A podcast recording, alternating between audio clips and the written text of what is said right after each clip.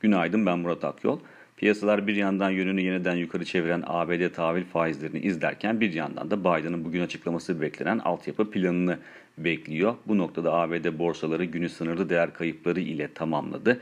11 S&P 500 sektörünün 8'i eksi bölgede kapanış yaparken gerek faizlerdeki yükseliş gerekse ekonomideki toparlanma beklentileriyle temel tüketim harcamaları ve teknoloji sektörünün en fazla değer kaybedenlerde başı çektiğini gördük. Yeni güne başlarken ise risk iştahının genel hatlarıyla düşük olduğunu söyleyebiliriz.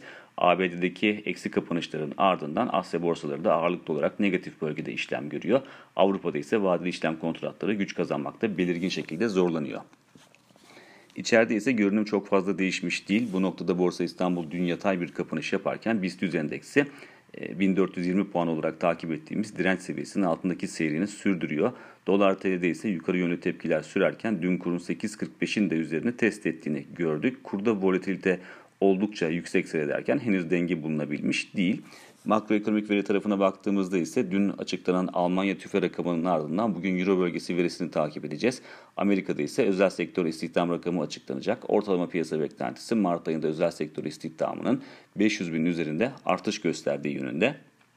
Cuma günü ise tarım dışı istihdam rakamı açıklanacak. Ee, özel sektör istihdamı gerçi tarım dışı istihdam için tam olarak bir gösterge değil ama genelde tarım dışı istihdam ile aynı paralelde hareket ediyor. Bu nedenle bugün takip edeceğimiz önemli veriler arasında yer alıyor özel sektör istihdam rakamı. Bir sonraki podcast'te görüşmek üzere. Günaydın ben Murat Akyol.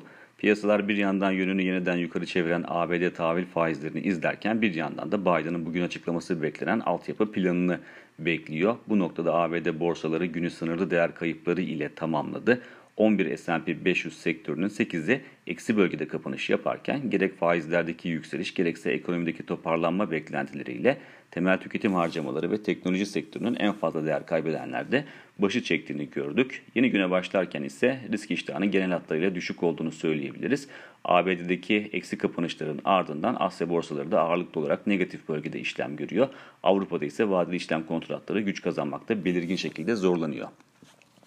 İçeride ise görünüm çok fazla değişmiş değil. Bu noktada Borsa İstanbul dün yatay bir kapanış yaparken BIST 100 endeksi 1420 e, puan olarak takip ettiğimiz direnç seviyesinin altındaki seyrini sürdürüyor. Dolar TL'de ise yukarı yönlü tepkiler sürerken dün kurun 8.45'in de üzerine test ettiğini gördük. Kurda volatilite oldukça yüksek seyrederken henüz denge bulunabilmiş değil. Makroekonomik veri tarafına baktığımızda ise dün açıklanan Almanya tüfe rakamının ardından bugün Euro bölgesi verisini takip edeceğiz. Amerika'da ise özel sektör istihdam rakamı açıklanacak. Ortalama piyasa beklentisi Mart ayında özel sektör istihdamının 500 bin üzerinde artış gösterdiği yönünde. Cuma günü ise tarım dışı istihdam rakamı açıklanacak. Ee, özel sektör istihdamı gerçi tarım dışı istihdam için tam olarak bir gösterge değil ama genelde tarım dışı istihdam ile aynı paralelde hareket ediyor. Bu nedenle bugün takip edeceğimiz önemli veriler arasında yer alıyor özel sektör istihdam rakamı. Bir sonraki podcast'te görüşmek üzere.